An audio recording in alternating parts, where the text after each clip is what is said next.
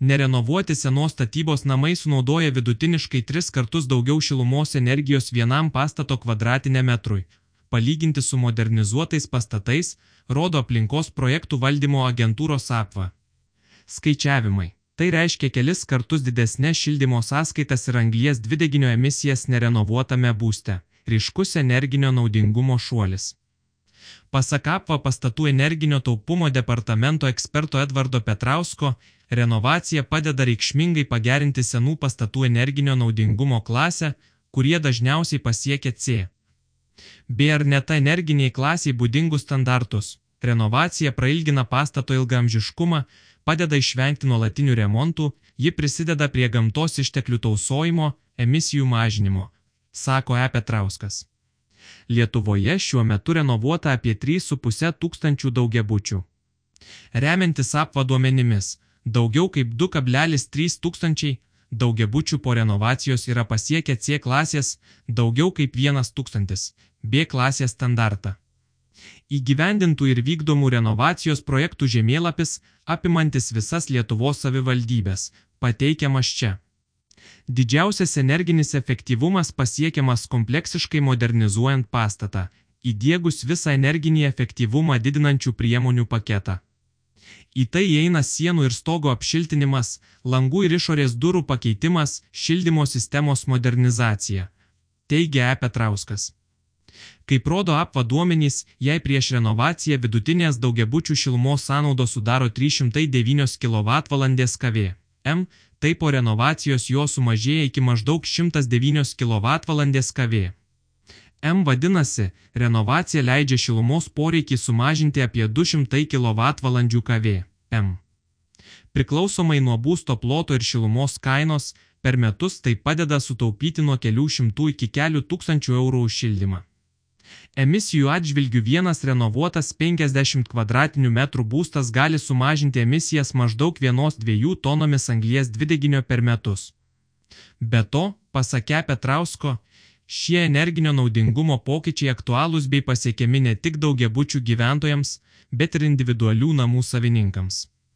Jei palygintume tos pačios energijos klasės pastatus prieš ir po renovacijos, tai pasiekiamas panašus šiluminės energijos suvartojimo sumažėjimas tiek daugiabučiuose, tiek individualiuose namuose.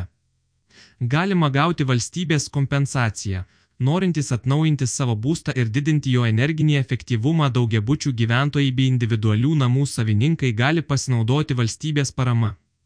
Lietuvoje nuo 2005 metų įgyvendinama daugiabučių namų atnaujinimo modernizavimo programa, kurioje gali dalyvauti daugiabučių namų. Pastatytų pagal iki 1993 metų galiojusius statybos techninius normatyvus savininkai. Daugiabučio namo renovacijai pritarus nemažiau kaip 51 procentas daugiabučio namo būtų ir kitų patalpų savininkų, galima gauti 100 procentų kompensaciją renovacijos projekto bei projekto įgyvendinimo administravimo ir statybos techninės priežiūros išlaidoms padengti. Daugiabučiui pasiekus nežemesnė nei bei energinio naudingumo klasę ir sutaupius ne mažiau kaip 40 procentų šildymui reikalingų energijos sąnaudų. Valstybė gyventojams kompensuoja 30 procentų renovacijos išlaidų. Gyventojai taip pat gali kreiptis dėl lengvatinio kredito bei papildomų kompensacijų. Daugiau informacijos apie valstybės paramą daugiabučių namų renovaciją galima rasti apva tinklalapyje. Šiuo metu aktualius kvietimus teikti paraiškas daugiabučių namų modernizavimo programos rėmose rasite čia. Apva taip pat skelbia ir kvietimus teikti paraiškas dėl kompensacijų individualių gyvenamųjų namų renovacijai patirtoms išlaidoms. Taip pat atskirus kvietimus kompensacijoms su saulės elektrinės ar šilumos siurblio įsirengimą šiuo metu aktualius kvietimus teikti paraiškas konkrečiai su būsto modernizavimu susijusiai paramai gauti galima rasti čia, didžiausiam efektui - kompleksinis modernizavimas. Pasakė Petrausko, didžiausią energinį efektyvumą galima pasiekti tik kompleksiškai modernizavus pastatą, apšiltinus sienas, stogą, pakeitus langus ir išorės duris, modernizavus šildymo sistemą.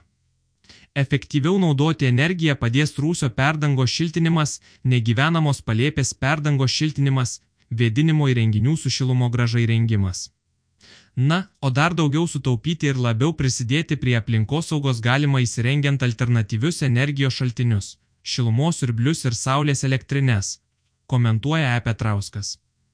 Lietuvoje sudarytos palankios sąlygos gyventojams tapti gaminančiais vartotojais ir įsirengti saulės elektrinę ant namo stogo ar, jei tokios galimybės nėra, įsigyti dalį elektrinės nutolusiame saulės parke. Žalia elektra aprūpinamas būstas gali dar labiau padėti sumažinti emisijų pėdsaką. Pavyzdžiui, vienas namų ūkis Lietuvoje per mėnesį sunaudoja vidutiniškai apie 200 kWh elektros. Per metus tai sudaro 2,4 tūkstančius kWh. Tokiam kiekiui elektros pagaminti pasitelkus saulės elektrinę, anglies dvideginio emisijas galima sumažinti apie pusę vieną toną per metus.